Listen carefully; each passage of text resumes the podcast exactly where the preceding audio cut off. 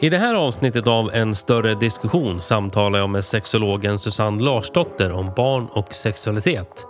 Ett ämne som för många är ett, om inte förbjudet, så ett mycket tabubelagt område. Men barns sexualitet är naturlig och de måste ges utrymme att få utforska sin sexualitet utan att vi vuxna sexualiserar dem. Vi måste även våga prata om sex med våra barn för att inte riskera att förtrycka den kanske absolut starkaste drivkraften vi har. Att utbilda och lära måste få gå före blyghet och tabun. Om detta och mycket mer hör du i det här avsnittet av En större diskussion. Välkommen till En större diskussion Susanne Larsdotter. Du är auktoriserad sexolog och du föreläser och jobbar som konsult och har lite rådgivning och så här som jag förstår också. Det stämmer bra. Mm. Det, ämnet för den här, det här avsnittet av en större diskussion är ju sexualisering av barn. Och vi har, innan vi började spela in här har vi suttit och diskuterat en stund innan. För att jag vill vara noga med att vi får fram ungefär hur, vad jag tänker att vi ska få fram i den här podden. Så att vi inte pratar om varandra. För att det, är ett, det här är ett område som jag tycker eh, mig uppleva att folk missförstår. Och man går ofta i försvarsställning på ett sätt som att man får inte prata om barn och sexualitet då är det pedofili. Vi ska försöka se bortom det och diskutera det här i, en större kontext så att säga. Vart det, här, vart det luddigt nu? Förstår du vad jag menar? Ja, men jag fattar vad du menar. Ja, vad bra. Får hoppas att lyssnarna förstår också. Ja. Eh, och vi, vi kickar igång med den här frågan som kan vara en ja eller nej-fråga, men jag hoppas att vi kan gräva lite mer i det så här. Sexualiseras barn i tidigare åldrar idag jämfört med tidigare? Och då tänker jag från någonstans mitten på 1800-talet när industrialiseringen drog igång och eh, ja, om man utgår från mode då, så vart det ju, fanns det ju ett bredare urval där av mode även för pöbeln så att säga, arbetarklassen. Och det var inte bara adeln som kunde ha fina kläder utan även en lite fattigare eh, samhällsklass kunde ha fina kläder och visa attribut och så. Så att... Eh, ja, vi börjar där. Eh, Sexualiseras barn tidigare nu för tiden än förr? Ja, det är en väldigt intressant fråga. Jag tror att eh, sexualiseringen hänger ihop med väldigt många olika saker. där kläder bara är en del. Eh, och tittar vi på hur barns sexualitet har eh, synliggjorts så har det ju Eh, det var ju på 1800-talet som man överhuvudtaget började se barn som sexuella. Och i slutet på 1800-talet så, så kom ju den här stora eh, onaniskräcken. Så då uppmärksammades ju också barn som sexuella på ett helt annat sätt. Men då var ju barnonani, det var ju en stor farsot som absolut måste eh, bekämpas på alla sätt och vis. Och det, det var ett rekord i eh, antionani-redskap och eh, sådana saker. Och då, då började man ju se barn som sexuella även, eh, och man för, tänkte att, att onanin, det, det kommer de förstöra dem helt. Att barn var eh, sexuella varelser som man måste ja, man måste verkligen tygla den här sexualiteten och eh, för att de skulle få en bra uppväxt. Så på det viset sexualiserade man väl kanske barn också genom att, eh, att se, se dem som, som de sexuella varelser de var. Eh, och det, var ju, det fick ju negativa konsekvenser men det, det, man upptäckte ju också att barn var, hade e, en egen sexualitet. Och sen kom ju Freud där i början på 1900-talet som faktiskt var den första som verkligen uppmärksammade och lyfte fram och tittade tittade på barns sexualitet. Eh, han var kanske en av de första som verkligen sa att barn föds med sexualitet. Sen, sen hade ju han en bild om att eh, barn föds med sexualitet men sen återkom han med den här sexualiteten sen i tonåren. Så det fanns ju en tid där han inte såg barn som, som sexuella. Eh, så att ja, barn har barn har setts som mer sexuella eh, varelser under, från 1800-talet och fram till våra dagar. Men det är ju någonting annat än att sexualisera. Eh, och om vi pratar om sexualisering av barn så tror jag att den har skett eh, de senaste decennierna mycket mer intensivt. Sen eh, Eh, där man, ja kanske från 60-talet och framåt så, så, har man också sexualiserat barn. Men, men vad betyder det då att sexualisera barn? Ja, jag tänker ju mycket att, att det är att tillskriva barn en sexualitet som ibland inte är deras egen. Eh, och det är naturligtvis en negativ del men om det innebär att sexualisera, tillerkänna barn sin egen sexualitet så är det ju någonting positivt. Men, men jag antar att det finns någonting i din fråga om sexualisering där det sker på där barns sexualitet objektifieras på ett negativt sätt. Mm, precis, att det, blir, det är snarare attributen än den naturliga sexualiteten som jag försöker mm. någonstans syfta på. Att det, det genom... Ja, men mode är ju en sån grej som verkligen... Där man kan signalera sexualitet. Och att... Ja, det, det är där någonstans Ja, där mina funderingar finns. Jag har så svårt att få ner de här tankarna i konkreta ord. Och jag hoppas att jag ska försöka, att, att, det ska, att budskapet ändå ska gå fram under samtalets gång här. Ja, jo men och jag känner ju igen den där frågan väldigt väl för den kommer ju väldigt mycket och det, det hänger ihop med någon tanke om en självobjektifiering. Att, att framförallt så är det eh, tjejer och flickor som, som eh, man tycker att självobjektifiera sig genom eh, minimala kläder eller kläder som anses sexiga och eh, eh, att man exponerar sig genom att gå klädd i de här kläderna. Och man pratar mycket också om, om att man internaliserar någon form av skönhetsideal och Eh, så, och att det här då hänger ihop med, med sexuellt objektifierande media. Och det, eh, det är också väldigt intressant att titta på de här föreställningarna för det är oftast flickan och den unga kvinnan som problematiseras. Eh, det, är, det är alltid hon som är problemet. Jag vet inte om jag nästan någon gång har sett att pojkar eh, eller unga killar att man, man tycker att deras sexualisering eh, är ett problem. Och det, det är intressant att se eh, att det här, det liksom den här omsorgen och omhändertagandet eh, ska avses att skydda flickan och samtidigt som konstruerar vi hela tiden flickan som som skadad av sexualitetens negativa effekter också. Men det är alltid flickan som är utgångspunkten och det är hon som ska räddas undan den här dåliga sexualiteten. Och det är hennes oförmåga att sätta gränser, det är hennes oförmåga att, att eh, avgöra vilka sexiga signaler hon eh, sänder ut. Eh, men flickorna själva får aldrig tala i de här frågorna. Man intervjuar inte och lyfter inte fram flickorna själva utan det är alltid vuxna och ibland eh, Ja, men, men, både vuxna kvinnor och män som säger sig vilja skydda den här flickan men, men man, man, är inte så intresserad av vad flickan vill och vad, vad, vad det här uttrycket för, från flickan själv är. Ja, det är ju genom Eh, alltså man säger så här, barn, barn reflekterar ju bara det samhälle och den kultur de lever i. Och då tänker jag så här, ha, kan man se en... Eh, eller hur, hur har eh, sexualitet och barns sexualitet, eller hur ska jag säga, sexualitet överlag, hur har det skildrats i populärkultur? Då tänker jag långt, längre tillbaka, säg tidigt 1900-tal, då var det väl egentligen bara i böcker och tidskrifter. Senare radio senare tv. Eh, kan man se en skillnad i hur, det har, hur populärkulturen har skildrat sexuella uttryck? Eh, ja, det kan man ju göra, men ännu intressantare eh, om jag är lite fräck och inte direkt svarar på din fråga utan, utan svarar på frågan hur vi har sett på nakenhet. För det tycker jag är jätteintressant. För vi har ju sexualiserat nakenhet på ett helt annat sätt än vad vi gjorde tidigare. Eh, mina barn eh, som nu är vuxna växte upp mycket med Astrid Lindgren, de klassiska Astrid Lindgren-filmerna.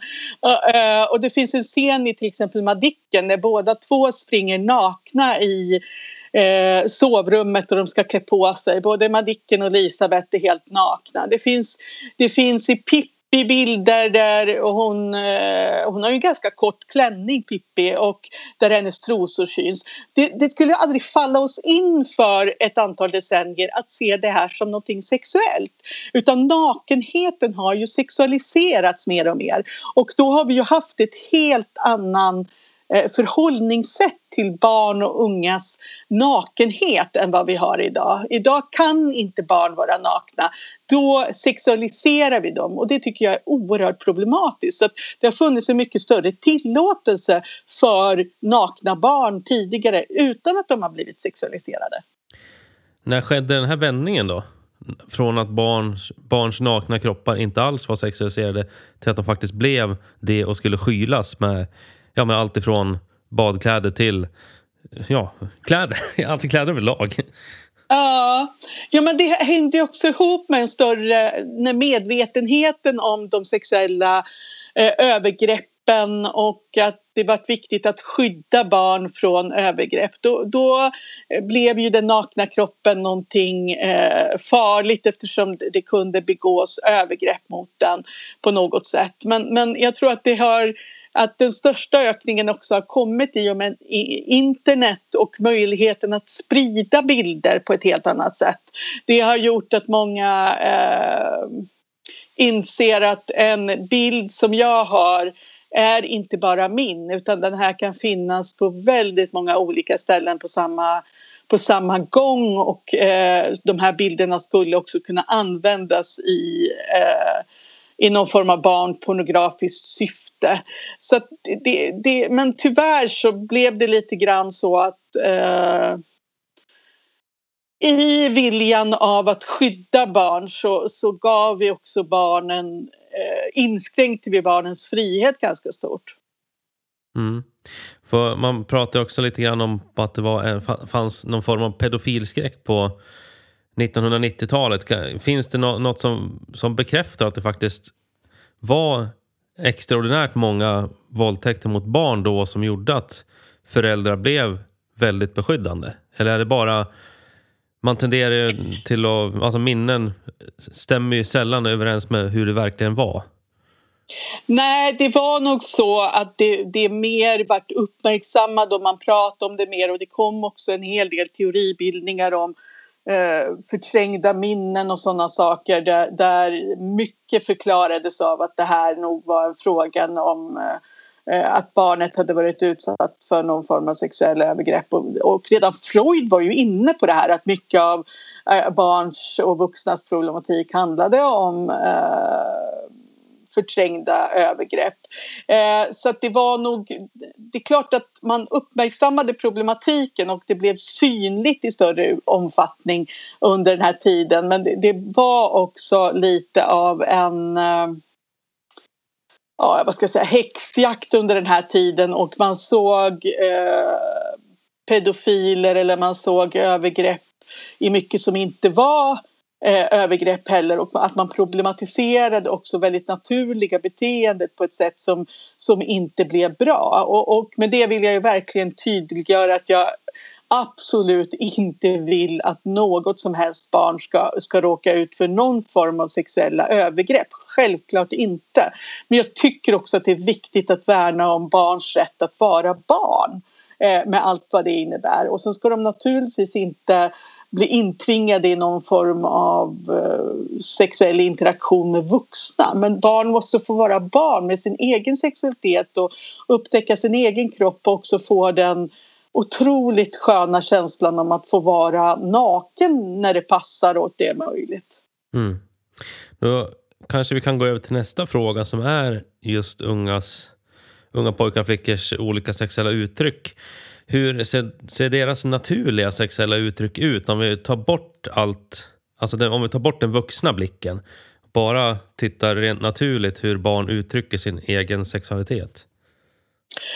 Ja, barn föds ju med en sexualitet och det här är nästan så att vi, vi glömmer bort det idag. Vi, vi ser att redan i fosterstadiet så har eh, barn en sexualitet och kan beröra sina genitalier och få vällustkänslor av det. Sen eh, håller ju de inte på med någon regelrätt onani men, men alltså vi föds med sexualiteten och eh, redan små barn har ju förmågan till erektion, till lubrikation, till eh, att, eh, att få orgasm. Det är någonting som vi alla föds med. Eh, och barns sexualitet kan väl ganska kort bara beskrivas som en, en lustfylld bekantskap med den egna kroppen och ibland med andra barns kroppar i samma ålder eller på samma utvecklingsnivå. Eh, och barn leker ju Eh, och upptäcker världen genom lek. Och därför är man ju väldigt nyfikna på att utforska och lära sig nya saker och upptäcka nya saker och se hur världen eh, hänger ihop. Och eh, därför så utforskar ju barn sina egna kroppar och de blir nyfiken på andras kroppar och eh, alla som har eh, barn eller har varit i kontakt med barn vet ju också att barn kan fråga och kommentera de vuxnas kroppar på en mängd olika sätt som ett sätt att lära sig världen och lära sig hur kroppen fungerar. Men då är det också lite problematiskt att barn måste få lära sig eh, ja, men hela kroppen. Vi, vi, vi, och, och det här hamnar jag i diskussioner ibland när jag är ute och föreläser som menar att ja, men vi kan inte prata om eh, snopp och snippa och framförallt inte klitoris för tidigt för det är för avancerat. Och då brukar jag säga men, men ankel och armbåge det är också för avancerat. Nej men det tycker man inte då. Och jag tänker att alla kroppsdelar måste få, få ha sin existens. Det behöver man inte vara mer accepterad än det. Men ja, jag har en liten söt historia som jag skulle kunna mm. dra. Det är när det är när min systerdotter kommer springande till sin mamma och säger Mamma, mamma! Vet du, jag har hittat en jätteliten snopp i min snippa. Eh, och mamma säger eh, Nej, men du vet att det är ingen snopp. Det, den heter klitoris och sitter där inne i snippan. Och så säger den här systerdottern, jaha, har du pratat med moster nu igen? Ja, moster det är ju jag då, då som, som pratar ganska mycket om snippor.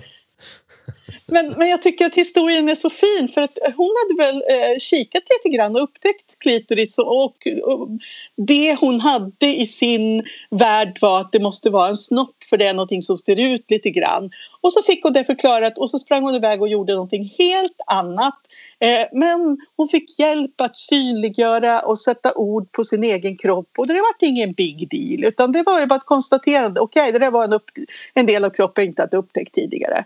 Ja, det, det är ju helt enkelt kunskapsförmedling från vuxen till barn och det är ju jättebra. Ja. Mm. Men hur skiljer sig pojkars och flickors olika sexualiteter där då? I ung ålder? Jag tänker att det, vi har ju olika kroppar. Ja, och där kan vi ju se att forskningen också visar att vi socialiserar pojkar och flickor på lite olika sätt. Det finns en mycket större tillåtelse för pojkar att gå omkring och dra lite grann i snoppen och sådär och, och ja, men pilla på den lite grann sådär eh, utan att, eh, att vuxenvärlden reagerar allt för starkt. Men eh, om flickan stoppar in ett finger i snippan och undersöker lite grann så blir det i regel mycket starkare reaktioner. Eh, och man säger usch och fy och nej men det är smutsigt och pilla inte där och, och sådana saker. Så att generellt så kan vi väl säga att också pojkar får lite mer utrymme att upptäcka sina kroppar. Sen finns det ju en biologisk skillnad också, att, att snoppen hänger utanför kroppen och är lättare att se och upptäcka. Medan snippan är lite klurigare för att du behöver nästan ha en spegel om du ska åtminstone kunna se vulvan så behöver du ha en spegel för att upptäcka. Och det kan ju också få konsekvenser att, att flickor som inte får möjlighet att upptäcka eh, sitt eget kön får inte, inte heller en lika nära relation till sitt kön som kan få sexuella konsekvenser också ända fram till att man är vuxen.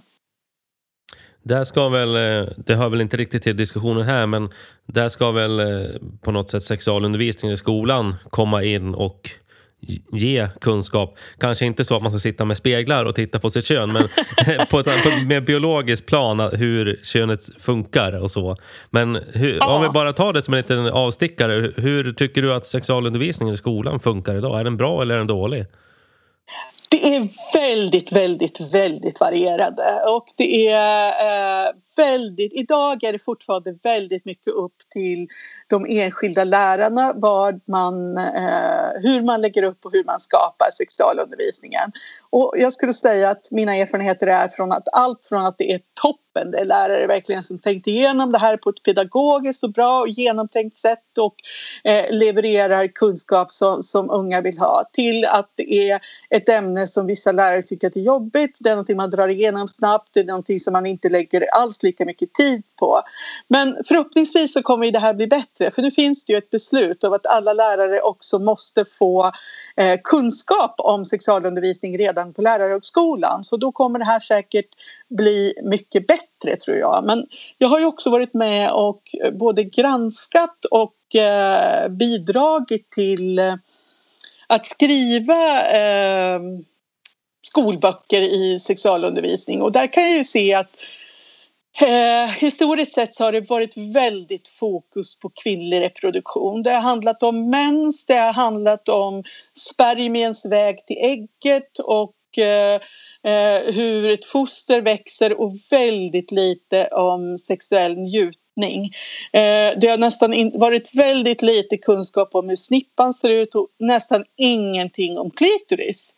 Så det har jag faktiskt fått vara med och lyfta in den här nya och viktiga kunskapen om klitoris som ett organ som är 8 till 10 centimeter långt och, och eh, det är klitorisåldern som sticker fram och sådana saker. Så det, det, är, det är ny och viktig kunskap som också måste komma barn till del som lika väl som vill lära oss om magen och tarmarna. Mm. Så eh, kan man säga så här, skulle, man, skulle det vara bra att man hade precis som i ja, nu, nu är det inte alltid så, men musikundervisning, då har man en musiklärare. Skulle det vara samma med eh, sexualkunskapen, att man skulle ha en sexolog som lärare? Tror du att det skulle göra, en, en, att det skulle göra det bättre eller att det bara är, är det bara att krångla till det? Jag tror att det är att krångla till det. Jag tror att lärare bara behöver eh, kunskap i de här frågorna och det kommer man ju kunna få nu framöver. Eh, sexologer är jätteduktiga på sexualitet men de är inte alltid så duktiga pedagoger skulle jag säga. Så att jag tror på lärarnas egna, egen förmåga att eh, lära ut det här. Men det behövs också ett intresse och ett engagemang eh, och en vilja att eh, ta till sig den här kunskapen. Men sen finns det inga begränsningar på vad man, vad man kan göra och det finns ju också fler och fler bra material att, eh, att använda. Så nej, jag tror inte sexologerna ska in där. Jag tror lärarna klarar av det här alldeles utmärkt. Men Eh, inte bara sådär utan man måste ju skaffa sig kunskap och man måste fundera på ett bra pedagogiskt upplägg precis som man gör med många andra lektioner. Ja, och så skulle jag vilja addera en egenskap som också måste med in. Det är mod, att man måste våga hålla lektioner. För det har jag uppfattat att det är många som tycker att det är väldigt jobbigt. Exakt. Mm. Förmågan att prata om sex är Eh, det är den mest grundläggande och det är jag ute och pratar väldigt mycket om. Jag, jag är ute inom både socialtjänst och hälso och sjukvård och sådär och pratar med professionella om vikten av att prata om sex. Och då är det precis som du säger, modet och viljan att prata om sex, det är det mest fundamentala. Att producera den här podcasten innebär många timmars arbete för mig. Ett avsnitt tar i regel en hel arbetsdag att producera. Så om du tycker om mitt arbete och det innehåll jag skapar och vill ha mer av det, gör det bäst i att stötta mig genom att swisha en valfri slant till telefonnummer 072 278 9728. Alltså 072 278 9728. Tack för ditt stöd och tack för att du lyssnar. Nu fortsätter vi. Eh, jag skulle vilja gå tillbaka till det här med populärkultur. och eh, jag tänker, kan det finnas... kan det få, eller får det konsekvenser i vuxenlivet hur barn... Eller det är klart, det, det blir konsekvenser av hur barn uppfattar, tar till sig de kulturella uttrycken. Men vad får det för konsekvenser av det som barn tar till sig? Om vi tar i, i dags dato så är det TikTok som är grejen för barn. Och om de kör en väldigt explicit Cardi B-dans som i vuxna ögon är nästan, nästan porrfilm. kan, alltså, vad får det för konsekvenser i vuxen ålder? Ja, jag tror att det också har att göra med hur vuxenvärlden reagerar på eh, det här.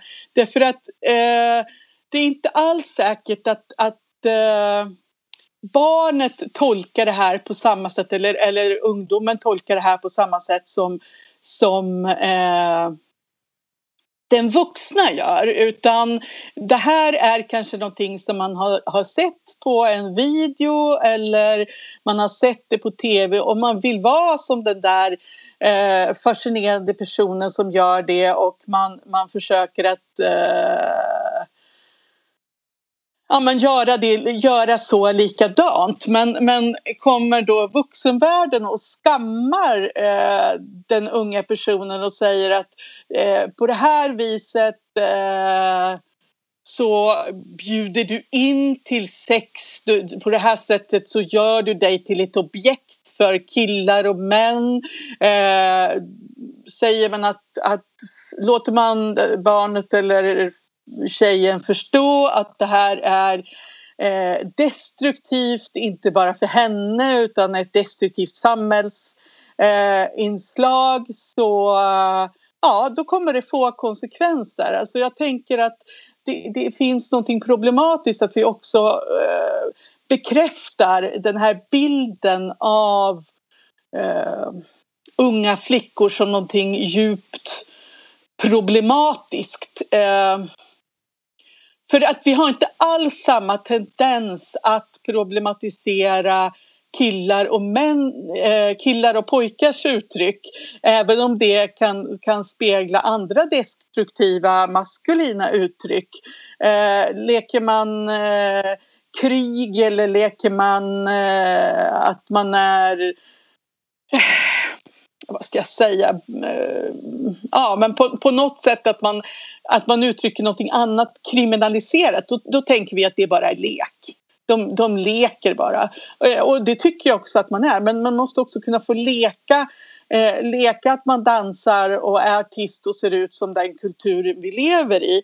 Eh, sen finns det naturligtvis eh, det finns något problematiskt i det här också, att tjejer lär sig att man måste eh, se ut på ett visst sätt. Det, det, är bara det här som är normen och idealen. Eh, man ska vara smal och man ska eh, ha bröst som är tydliga eller man ska ha minimala kläder för det är det som är gångbart. Då kan det naturligtvis också bli en destruktiv kraft att man blir insocialiserad i ett, ett kvinnligt ideal som, som är allt annat än bra. Men, eh, Ehm, det, jag är lite oroad över att, att allting som tjejer och flickor gör som, som efterliknar den, eh, den kultur vi har. Det blir bara problematiskt och fel och de är bara offer. Men, men de kanske också är aktörer och tar sin egen plats. Jag tycker det är något befriande med att, att tjejer vågar dansa och lägga upp bilder på sig själva och eh, uttrycka sig och ta plats. Eh, också. Så att eh, jag är led, lite rädd för att bara problematisera och eh, göra det här till någonting problematiskt. För att det är också vad vi lägger i det handlar inte bara om vad de gör utan det handlar också om vad vi laddar blicken som vi ser på barnen med. Ja, och det är där den pedofila blicken kommer in alltså? Ja, den pedofila blicken kommer också in där, absolut. Mm. Men det finns en annan eh, aspekt med barn och sexualitet som jag skulle vilja hinna ta upp också. Det, är, eh, det finns ju andra eh, sexuella läggningar än heterosexualitet. Hur uttrycker sig andra sexuella läggningar hos barn? Ja, det där är ju så otroligt intressant. Därför att eh, vi säger ofta att barn har ingen sexuell läggning, barn är fria. Eh, och det eh, skulle de flesta skriva under på. Men när det väl kommer till kritan så ser vi ändå barn som heterosexuella. Jag brukar ha en skämtbild ibland när jag är ute och föreläser där barnmorska, en barnmorska håller upp ett nyfött barn och så säger Oh, it's a lesbian! Eh, och då skrattar ju alla naturligtvis för ett nyfött barn kan inte vara lesbisk. Men vi kan utan problem lägga två relativt nyfödda barn bredvid varandra, en pojke och en flicka och säga så här, åh vad söta de är tillsammans, tänk om de gifter sig när de blir stora. Och där har jag också en liten anekdot som inträffade på ett barnkalas som jag var på. Pojken som fyllde år eh, tog emot sina kompisar som kom på kalaset. Eh, han eh, tog emot en eh, tjejkompis som gav honom ett paket och de, det var en av hans bästa kompisar så han kramade om henne och sa åh jag tycker så mycket om dig, vi ska gifta oss när vi blir stora. Eh, och alla föräldrarna som stod runt omkring där var så här, men åh, oh, söta de är. Sen eh, efter en liten stund så kom en, en annan av hans bästa kompisar och det var en kille. Och när den här killen kom så, så kramar han om honom också och säger att oh, vi ska gifta oss när vi blir stora. Och då inträffar en väldigt obehaglig tystnad bland föräldrarna till någon eh, av föräldrar, ba, eh, till barnets förälder säger nej nu är det fiskdamm. Alltså Eh, att pojken skulle kunna gifta sig med en annan pojke det, det, blev nog sexualiserat också på ett annat sätt så det blev väldigt obekvämt. Det kunde man inte hantera.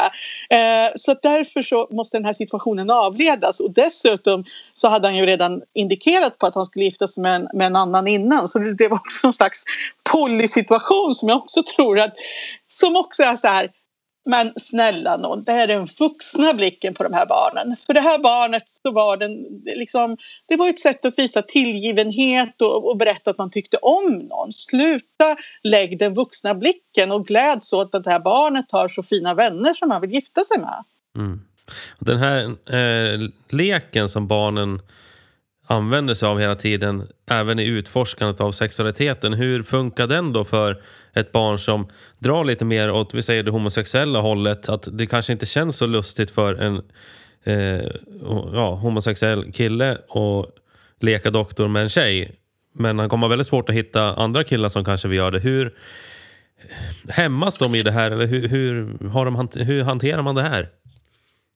Alltså jag tror inte att barn tänker så mycket i homo och heterosexualitet utan i det nyfikna upptäckandet så, så tror jag inte att man direkt sexualiserar sig. Jag tror att det är också mycket en vuxen blick på det här. Att jag tror att, att barn mer är öppna för att upptäcka eh, kroppar och att man är egentligen inte så intresserad av barnet som ett sexuellt eh, varken objekt eller subjekt utan man är intresserad av att undersöka och där finns det också en skillnad att de som har en snopp kan ju tycka att det är jättespännande att titta på någon som har en snippa därför att det är någonting jag inte jag har och jag, jag vill veta hur det fungerar också. Hur ser de ut och eh, hur kissar du? Och barn är väldigt praktiska också så att de, de vill liksom veta hur funkar det här? Vem, vem har inte sett barn som har skruvat isär någonting för att se men hur funkar det här? Det är ju barns sätt att, att upptäcka världen och har jag inte en snopp, ja men då vill jag ju se hur en snopp fungerar.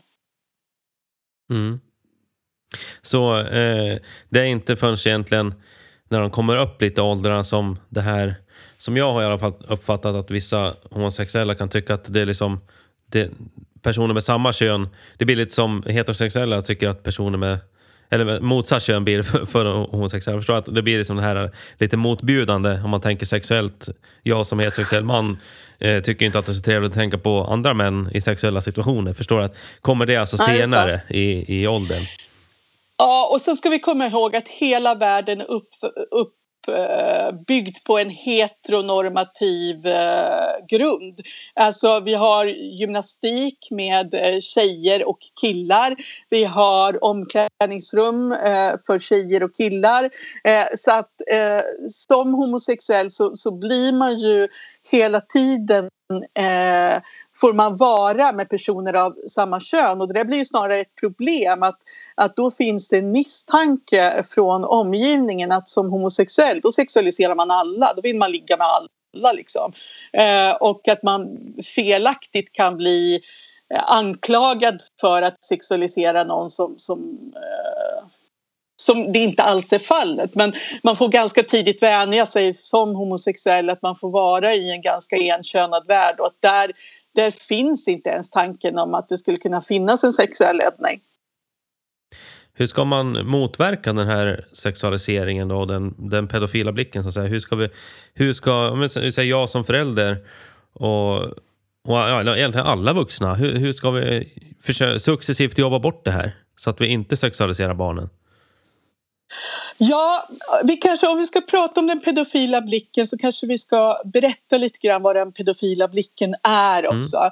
Det är ju Anna Sparman, en forskare på Linköpings universitet som, som har pratat eh, mycket om den pedofila blicken. För hon, i hennes forskning så har hon sett att vi mer och mer tittar på barn med den pedofila blicken. Det vill säga att vi, vi ser på barnet som eh, som en pedofil gör. Eh, och problemet med den pedofila blicken det är ju att vi har alla integrerat den pedofila blicken i oss. Så vi kan inte längre se på barnet som ett barn eh, med ett barns sexualitet utan vi lägger eh, en blick av att barnet på något sätt skulle vara eh, ett objekt för en vuxen sexualitet. Och det här får ju enorma konsekvenser på ett väldigt, väldigt olyckligt sätt. Och jag märker det eh, hela tiden. Barns sexualitet begränsas på ett väldigt negativt sätt. Barn är sexuella, barn måste få tillgång till sina egna kroppar. De måste kunna få möta andra jämnåriga i sexuella lekar eh, där leken är ömsesidig och eh, där någon inte blir tvingad till någonting annat. Eh, det har kommit väldigt bra skrifter och uppmärksamhet eh, på övergrepp mot barn och att barn ska kunna skydda sig mot övergrepp. Eh, ett exempel på dem är just Stopp min kropp som har fått ett väldigt stort och viktigt genomslag och jag tycker det är fantastiskt bra för naturligtvis ska vi ska vi verkligen skydda barn från övergrepp och eh, gränskränkningar. Men jag har också sett i material för barn att det finns något som heter baddräktsmodellen. Det betyder att eh, alla delar av kroppen som täcks av en baddräkt det är barnets egen, eh, pri egna privata delar och där får ingen annan ta på. Eh, och det tycker jag är väldigt, väldigt olyckligt. Alltså, och där glömmer man ofta att berätta att där får ingen annan ta på som jag inte vill att ska ta där. Eh, för det är en stor skillnad. Eh, om jag tycker om, som, som jag brukade liksom så här prutta med munnen på mina barns magar när de var små. Alltså det är lätt att bokstavligt tolka att inte jag får leka med en barns, ett barns mage eller att, att vi gör någon sån här massagesaga över kroppen eller sådana saker. Så förstår jag att, ja, men skulle man kalla det för bikinimodellen istället då? Eh, att det handlar om bröst och eh, snippa snopp området. Ja, men fortfarande är det så att två barn som leker med varandra eh, måste kunna få titta på snoppen eller känna på snoppen på någon annan om det, om det är okej okay för den andra. Det som vuxna behöver göra det är att, att stoppa om det finns det minsta tecken på att det här inte är ömsesidigt eller att andra barnet inte respekterar barnet. Men barnet, barn måste få tillgång till och kunna leka sexuella lekar med varandra. Och det är klart att att, att föräldrar inte på ett sexuellt sätt eller eller andra vuxna ska ta på barns kön eller rumpa eller någonting. Men jag möter till exempel, träffade en pappa i förra veckan som inte vågade bada med sitt barn. Eh, för att han var så himla rädd för att tänk om barnet sitter i min, mitt knä och vi leker med någonting och sen så eh, så kommer den till dagis eller någonting och säger att ja, jag satt på pappas snopp. Det skulle ju bli katastrof. katastrof. Eller att jag bara att jag såg pappas snopp eller pappas snopp var stor eller någonting sånt där. Eh, och då, då ser man ju på barnet och barninteraktionen med den pedofila blicken. Alltså vi måste kunna vara nakna tillsammans med våra barn. Vi måste kunna eh, Eh, bada tillsammans med barnen, duscha med barnen, bada bastu.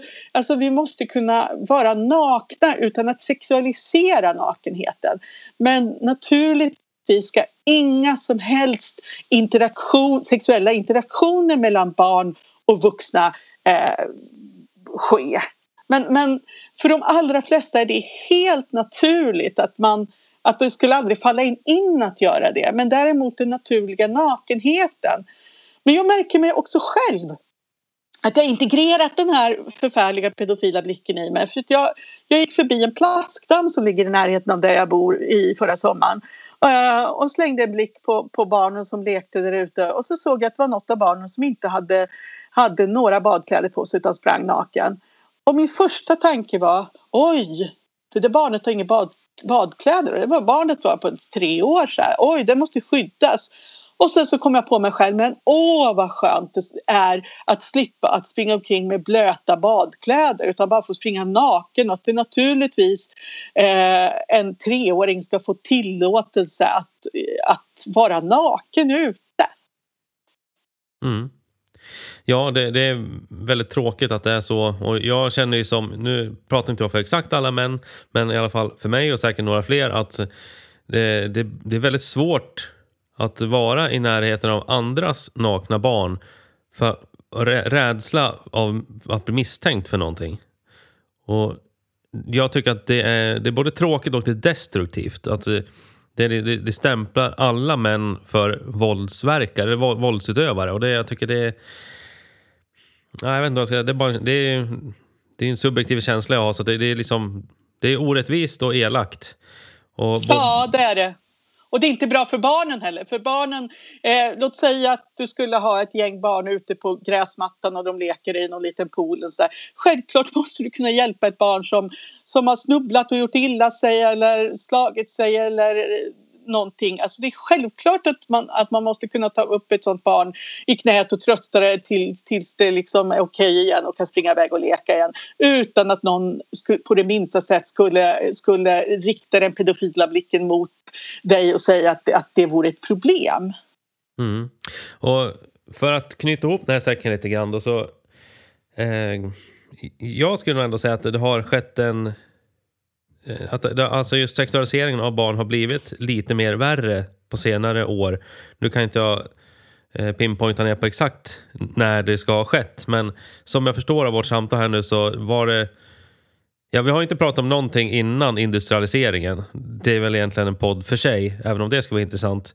Så har den nakna barnkroppen blivit mer sexualiserad i modern tid än på början på 1900-talet. Har, förstå, har jag liksom förstått ja, det här rätt? Då? Ja, ja. Mm. absolut. Och lite snabbt då, hur ska vi göra för att... Jag ställer frågan igen egentligen. Hur ska vi göra för att jobba bort den här sexualiseringen?